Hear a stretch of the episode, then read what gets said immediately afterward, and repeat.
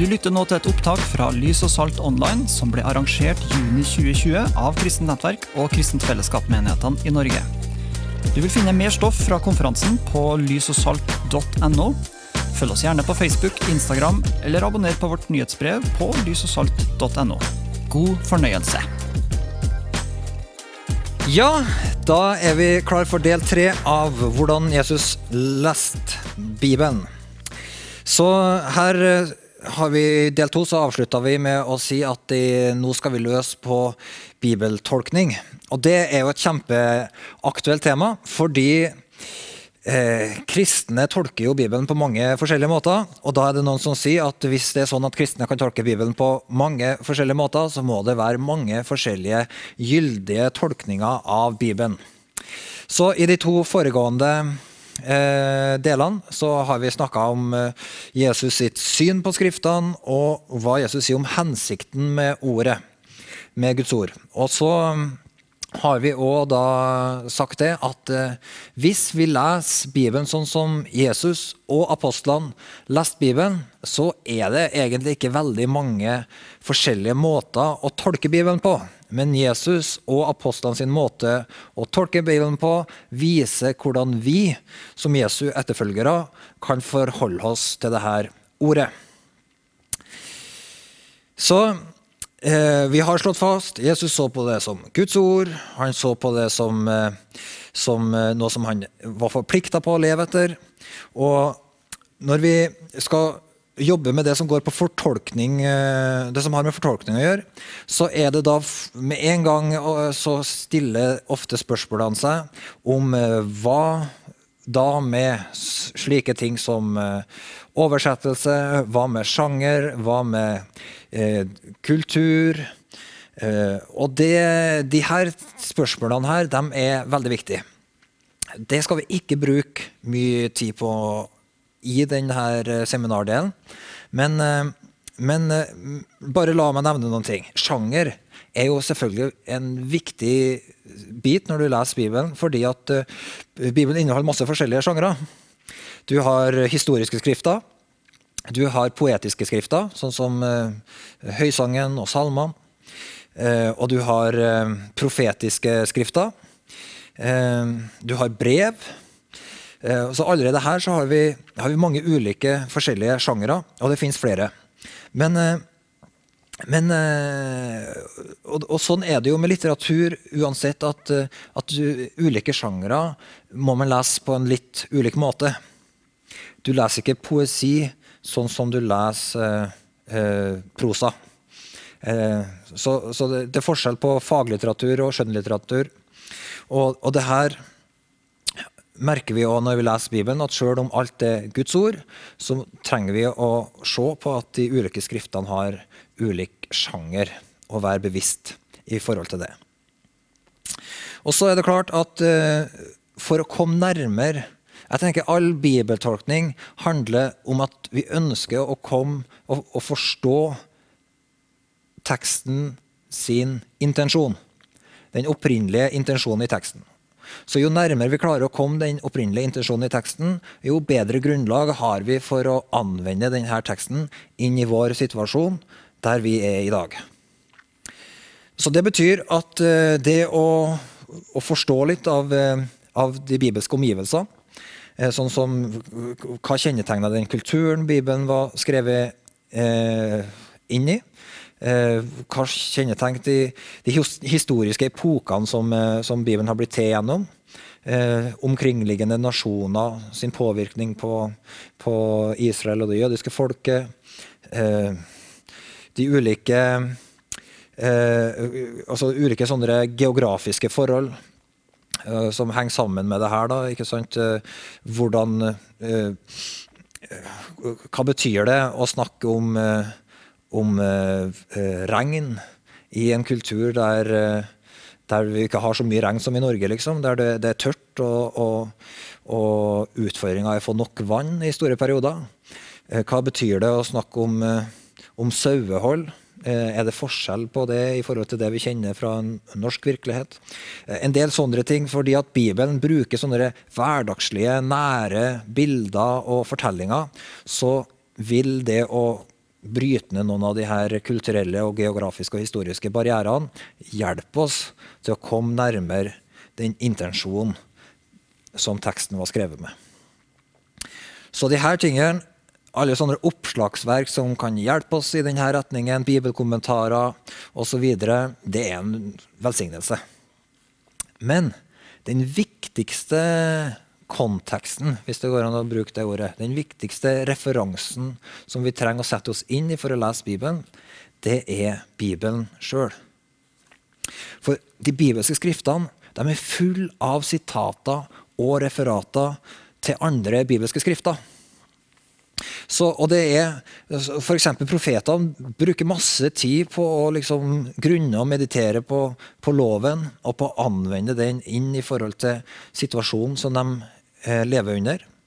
Eh, og Jesus, han, veldig, Nesten all undervisninga til Jesus er, starter liksom med sånne henvisninger eller sitater fra Det gamle testamentet, som gjør at, at hvis du ønsker å virkelig forstå Jesus' sin undervisning, så er det kanskje det beste stedet er ikke først og fremst liksom å begynne i samtida, kulturen og historien og prøve å grave i de kildene der, men det, det viktigste referansen for all undervisninga til Jesus, det var Det gamle testamentet. Så når da Jesus f.eks. For eh, forteller lignelsen om, eh, om sennepsfrøet, som er den minste av alle hagevekstene som blir et vekst og blir et stort tre, som liksom vokser opp til, som blir det største av alle hagevekstene, og himmelens fugler som begynner å bygge rede i det her treet og si at Guds rike er sånn som det her sennepsfrøet, som vokser til å bli det her største av alle hagetrærne, eller hagebuskene, så, så, er det en referanse i det. Der, kan, der, der både Daniel og, og, og Esekiel eh, snakker om det her himmeltreet som vokser. Og som eh, i, de, i, deres fortelling så representerer det sånne store imperier. Der folkeslagene kommer og, og, og finner eh, liksom beskyttelse og ly i de her imperiene. Så forstår vi ok, det er Jesus, Jesus sa noen ting her. Han hadde et bakteppe han snakka inn i.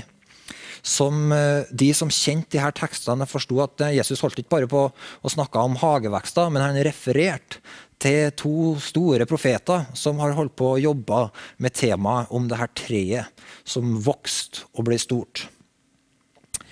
Så, sånn er tekstene i Bibelen full av interne referanser.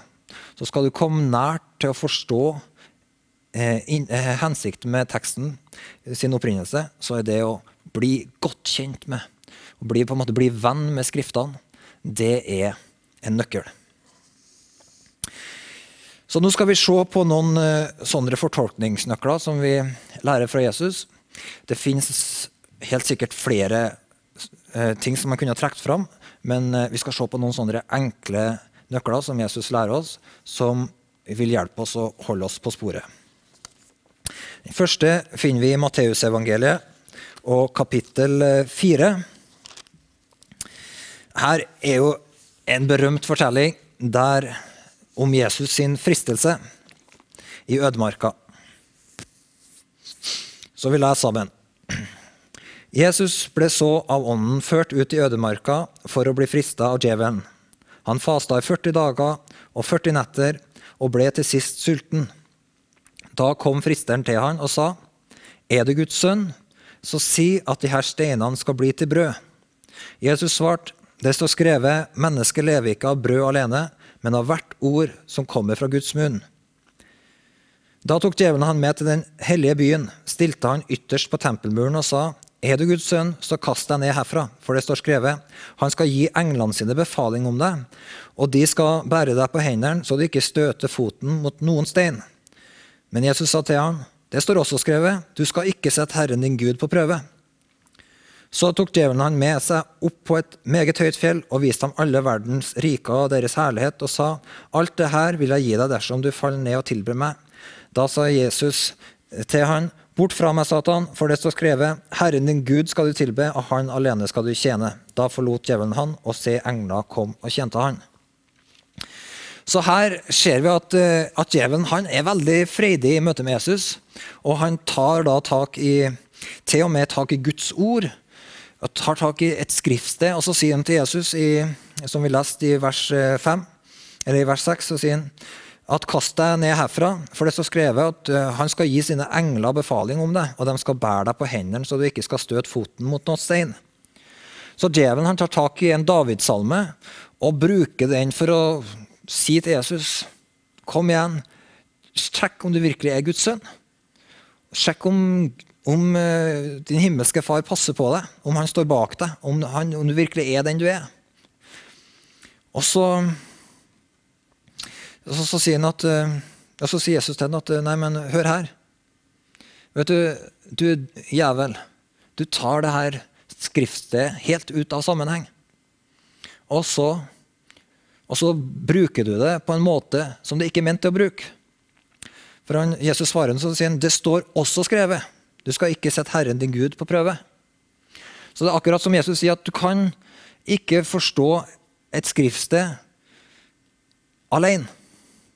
Du, må, du trenger hele Skrifta for å forstå de enkelte skriftstedene. Så helheten i Bibelen forklarer enkeltversene.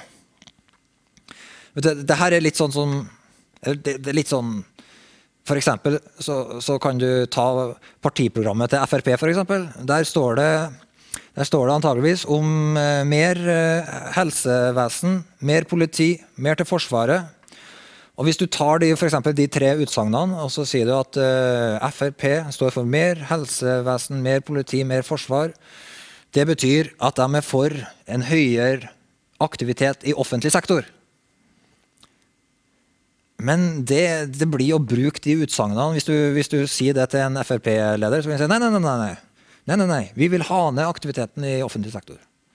Vi vil ha ned skatte- og avgiftsnivået. For å, holde, for å, gjøre det, så må vi ned med aktiviteten i offentlig sektor. Og så tenker jeg, ja, ja, ok. Men i partiprogrammet deres så sto det mer politi, mer helse, mer forsvar. Så sier jeg, ja, men du må lese hele partiprogrammet for å forstå det utsagnet. Og Litt sånn er det med, med Guds ord òg. At du kan ikke bare ri det, det, går an å bruke Bibelen sånn som Satan gjorde. At han bare tok et enkeltvers og, og brukte det ut av sin sammenheng. Men Jesus sa nei. Det står også skrevet.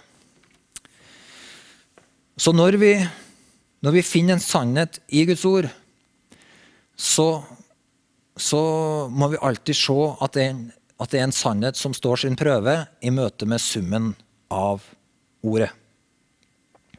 Så løsrevne sannheter er dårlig bibeltolkning. Jesusmetoden den er sånn her. Du må forstå enkeltvers i lys av helheten. En enkeltstående sannhet må være i samsvar med den hele og fulle åpenbaringa i ordet.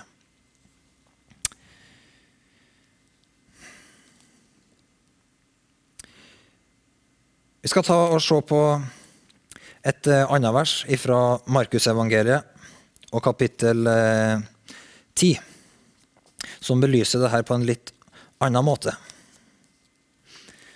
Der står det ifra der er det en sånn diskusjon der noen kommer for å teste Jesus med et spørsmål. Og kapittel Markus 10, kapittel 2, så står det Noen fariseere kom og spurte han. Har en mann lov til å skille seg fra sin kone? De ville sette ham på prøve. Var Moses påbudt dere, sa han. De svarte. Moses har tillatt mannen å skrive skilsmissebrev og sende henne fra seg. Da sa han til dem, fordi dere har så harde hjerter, har Moses gitt dere dette budet. Men fra begynnelsen av, ved skapelsen, skapte Gud dem som mann og kvinne. Derfor skal mannen forlate sin far og mor og holde fast ved sin kvinne. Og de to skal være én kropp. Så er de ikke lenger to, de er én kropp, og det som Gud har sammenføyd, skal mennesker ikke skille. Her leser vi noe interessant. Når, når de her eh, fariseerne kom og spurte han spørsmålet om eh, mannen har lov til å skille seg fra kona si, så er det første Jesus gjør, det at han sender dem til Skriftene. Så Det har vi vært inne på før. Jesus han avgjør spørsmål ved å henvise til Skriftene. Han gir Skriftene autoritet. Sånn må vi som kristne være veldig nøye. Når vi avgjør spørsmål som angår liv og lære, må vi henvise til Skriftene. Og så sier da fariseerne ja, vi har fått et, eh, en hjemmel i loven fra Moses. Vi har fått en åpning som sier at, eh, at det er sånn her at eh, hvis Moses har sagt at mannen han har tillatt mannen å skrive skilsmissebrev og sende henne bort fra seg. Så her refererer fariseerne Moseloven, og så sier de sånn. Det her sier Skriftene. Men så gjør Jesus noe veldig interessant. Han, det er akkurat som om han sier nei, men dere refererer Skrifta, men dere har ikke forstått Guds opprinnelige hensikt. Og så tar han dem med til begynnelsen, og så sier han vi må til skapelsen for å forstå Guds hensikt med ekteskapet. Og Så refererer han og sier Gud skapte dem som mann og kvinne. Så ekteskapet var noe som Gud ville. Og så sier han de skal forlate sin far og sin mor, eller mannen skal forlate sin far og sin mor og holde fast ved sin kvinne.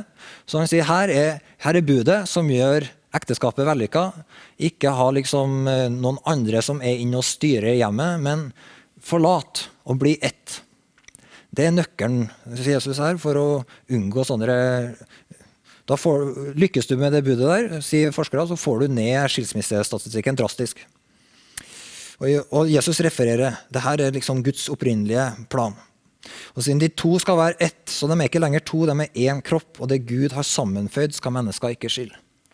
Så Jesus sier at når vi skal forstå en sak, så må vi alltid først forstå Guds opprinnelige hensikt. Hva er Guds intensjon?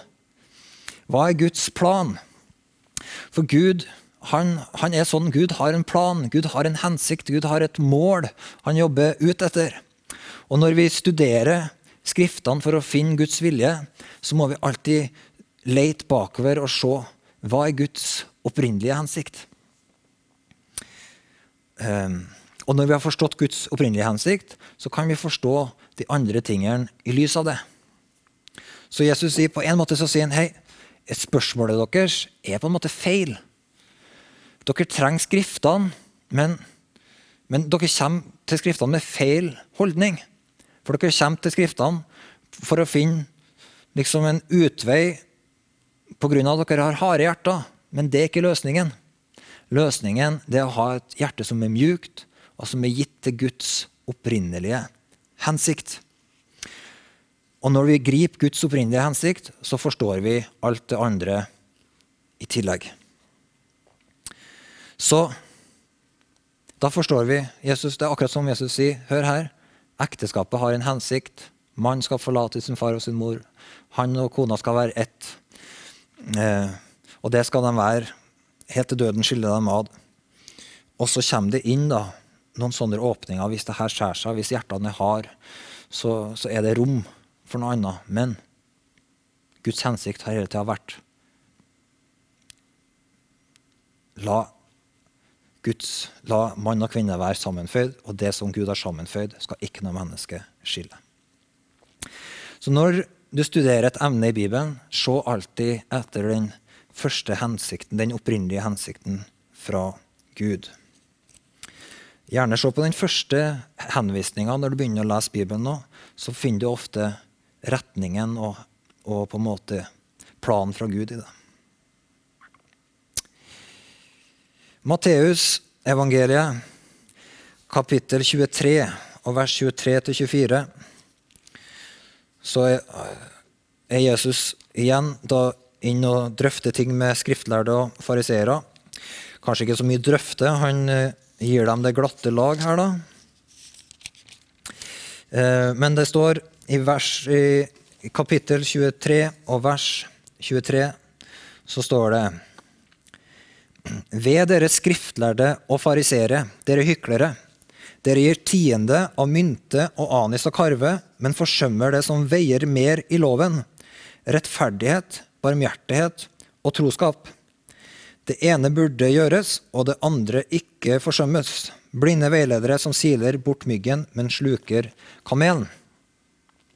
Så her, her innfører Jesus et, et interessant prinsipp.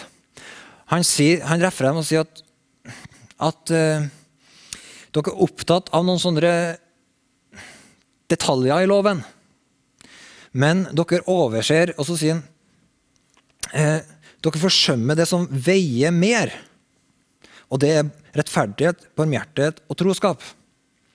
Så det er akkurat som om han tar, han tar skriftene og så legger han dem på vekta og så sier han at hvis du, hvis du tar liksom, eh, hvis du tar og samler skriftene og legg det for vekta, så skal vi se at tyngdepunktet i skrifta det er på barmhjertighet, rettferdighet og tro, eh, troskap.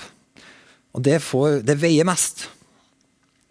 Og det veier mer enn eh, på en måte detaljene rundt eh, tienden. Så Jesus sier, det her Detaljene rundt tienden, tienden er viktig, ikke forsøm den. Men, men, men det, må være, det må liksom komme i rett forhold. Det må stå i rett forhold til det som går på barmhjertighet, rettferdighet og troskap. Så, så, han sier Guds vilje det er at, at, at uh, mennesker skal oppleve barmhjertighet. Guds vilje er at mennesker skal oppleve rettferdighet. Ikke et sånt lovisk press der du skal gjøre sånn og sånn, og sånn, men nei, erfar et møte med Gud som er barmhjertig, rettferdig og trofast. Og Det forteller oss om at, at det er noen ting som er sentralt, og så er det ting som er mer perifert.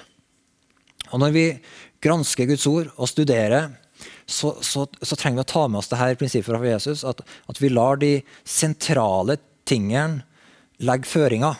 Og så forstår vi de perifere tingene i lys av det sentrale. Så når du jobber med, med Guds ord, så prøv alltid å finne og, og, studere og søke å finne Guds vilje på et område. Så, så, så prøv alltid å finne de sentrale innenfor dette området. Prøv å finne hva er Guds hjerte. Hva er det som er viktig? Hva, hva er, hvilke skriftavsnitt er de mest sentrale tekstavsnittene for, for å forstå Guds vilje på dette området? Finn, finn de her sentrale, tungtveiende skriftavsnittene. Og så når du da eh, går derfra, så kan du få hjelp av de her andre skriftene til å forstå hvordan kan dette leves ut. Hva betyr det her i praksis? Fordi at de perifere tingene de er, de, de er aldri sånn motsetninger til det sentrale. Men, men, av og til så kan det perifere ta for stor plass. Av og til så kan det perifere gjøre at vi mister fokuset på det sentrale, og da blir alt feil.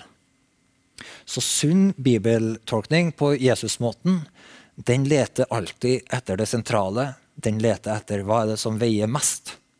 Hva er det som har størst oppmerksomhet, hva er det som er Guds hovedintensjon? Så intensjon det er òg et sånt prinsipp som vi finner hos Jesus. La oss gå til Markus-evangeliet og kapittel 2.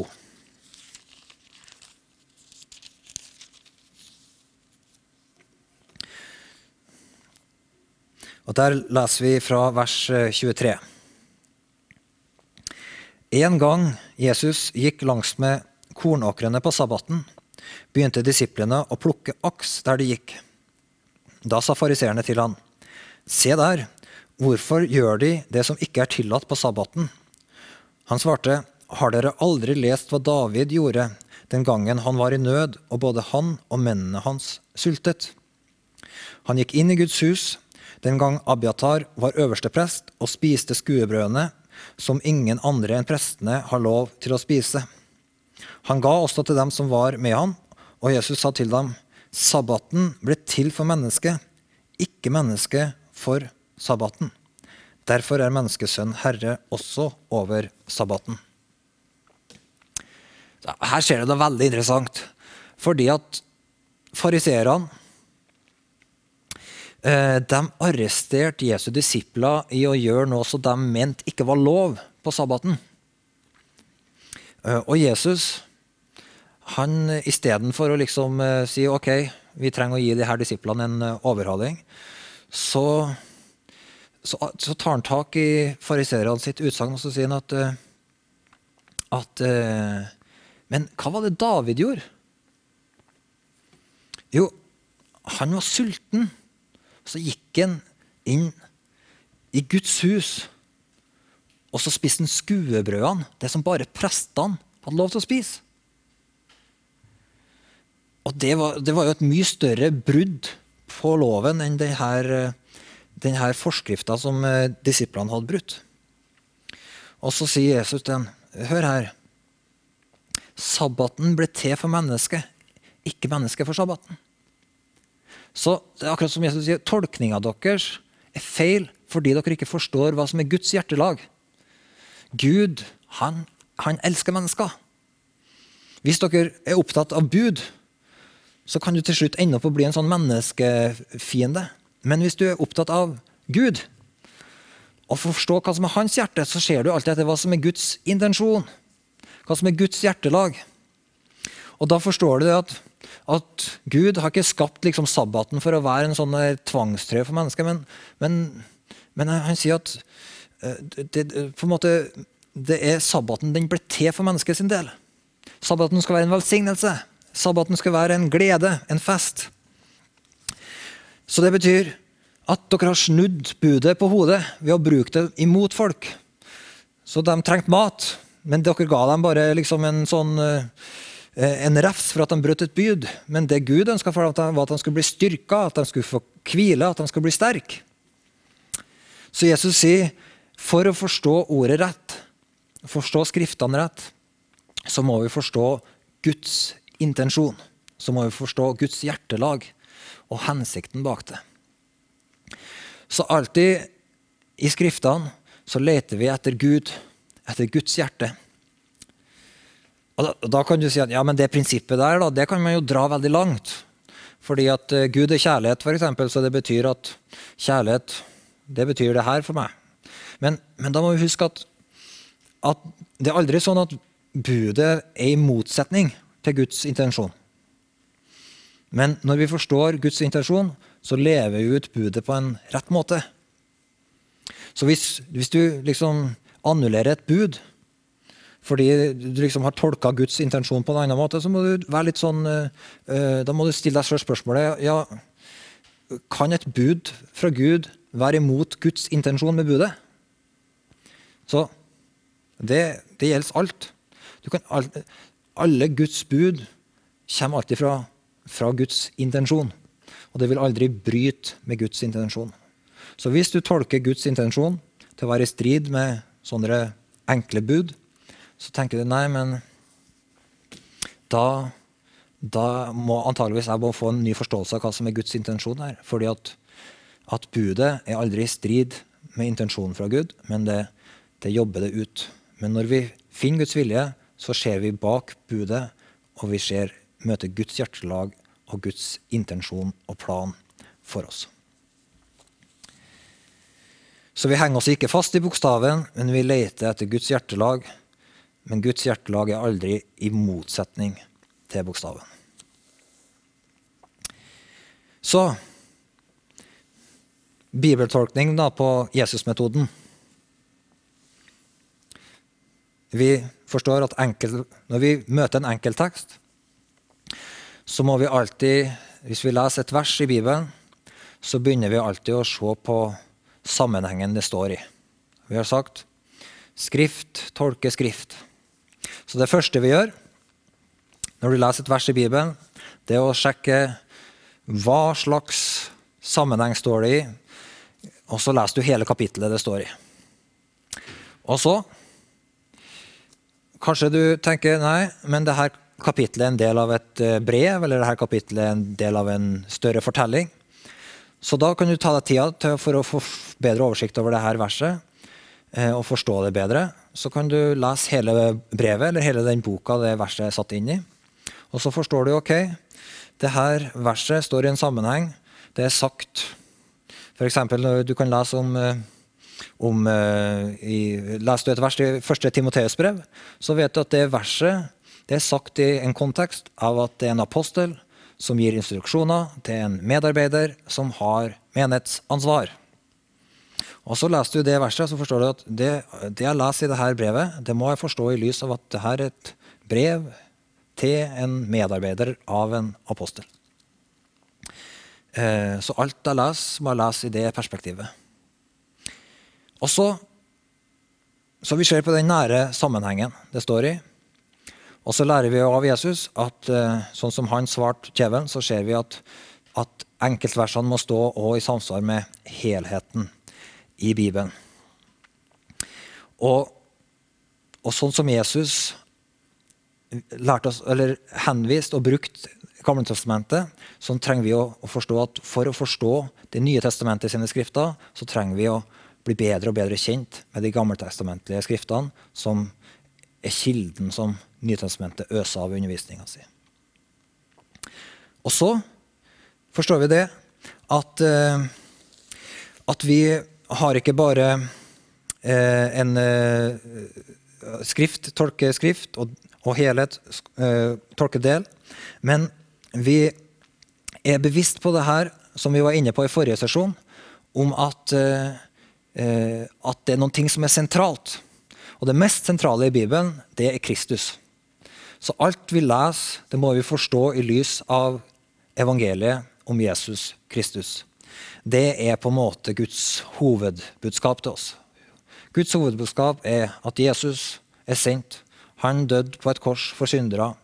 Han brakte tilgivelse, han brakte oppstandelse og evig liv inn i verden, og han har rent ut sin Hellige Ånd. Og Det er det sentrale budskapet i Bibelen. Og sånn, på samme måte som, som, vi ser etter å belyse enkeltvers i, i lys av helheten, så trenger vi å se på hva er det som er sentralt, og hva er det som er periferi. Og så forstår vi da de perifere versene i lys av det sentrale budskapet i Bibelen, og vi forstår det først og fremst i lys av Kristus. Og så har jeg lyst til å ta med en, eh, et eh, vers til slutt. Og det er fra profeten Habakuk. Og i profeten Habakuk kapittel 2 så er det et interessant vers. Der har profeten stått og klaga til Gud og stilt spørsmålstegn ved alt han ser rundt seg. Det er så mange ting han ikke forstår. Det er så mange ting som går over hodet på han. Eh, og, så, og, så, begynner han å stille spørsmål til Gud. Og det er en veldig god ting. Du vet, Gud tåler spørsmål. Gud blir ikke satt ut om vi ikke forstår alt. Og det tror jeg at når vi leser Bibelen, ikke først og fremst at vi leter alltid etter svar, men at vi, vi, vi er takknemlige når det er ting vi ikke forstår. For når det er ting vi ikke forstår, så har vi noen ting å samtale med Den hellige ånd over. Og profeten Habakuk han hadde masse ting han ikke forsto.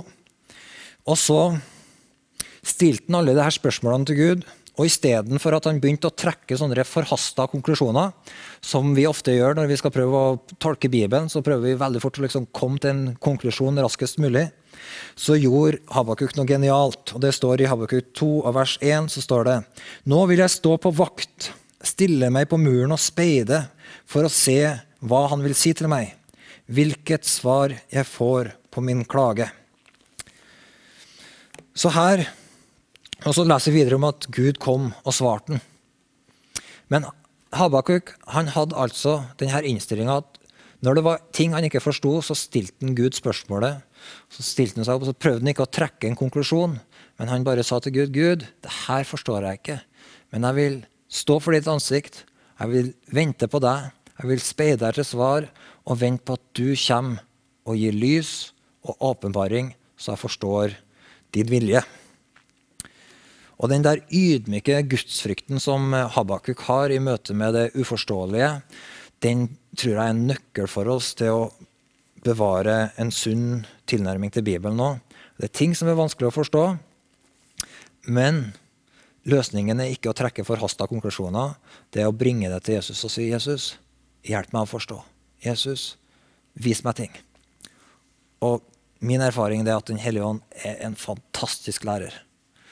Og at hver gang jeg stiller sånne spørsmål til Den hellige ånd, så erfarer jeg at i løpet av noen dager, i løpet av noen uker, så kommer han meg i møte med ordet sitt, med ting som han gir meg gjennom andre søsken, eller at han taler og, og tar meg til skriftsteder.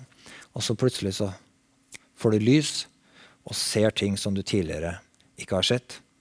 Fordi at vi har venta på Gud, og venta på at han skal komme og tale og gi oss svar gjennom ordet sitt. Da er vi på slutten av denne eh, tredelte seminaret om eh, å lese Bibelen på Jesus-måten. Eh, det er, som sagt så er det mange ting vi ikke har vært i berøring med her. Både det som går på Vi har berørt veldig lite det som går på, på, på sjanger, på kultur og historie. Vi har berørt veldig lite det som går på de ytre bevisene i forhold til Bibelens troverdighet og sånne ting, som kan være nyttig å se på. Eh, og som jeg vil anbefale folk å se på. Eh, men, eh, men, det som har vært hovedpoenget i alle de her tre seminarene, det er som kristne så finnes det ikke mange, mange ulike måter å tolke Bibelen på. Men når vi følger prinsippene til Jesus og apostlene, så finner vi at Bibelen er konsistent. Vi finner at det Bibelen sier, det er klart og tydelig. Og, og Jesusmåten å lese Skriftene på, den er en utrolig hjelp for oss til å finne svar når vi kommer til Bibelen for å finne Guds vilje. Takk for oppmerksomheten. Vær velsigna.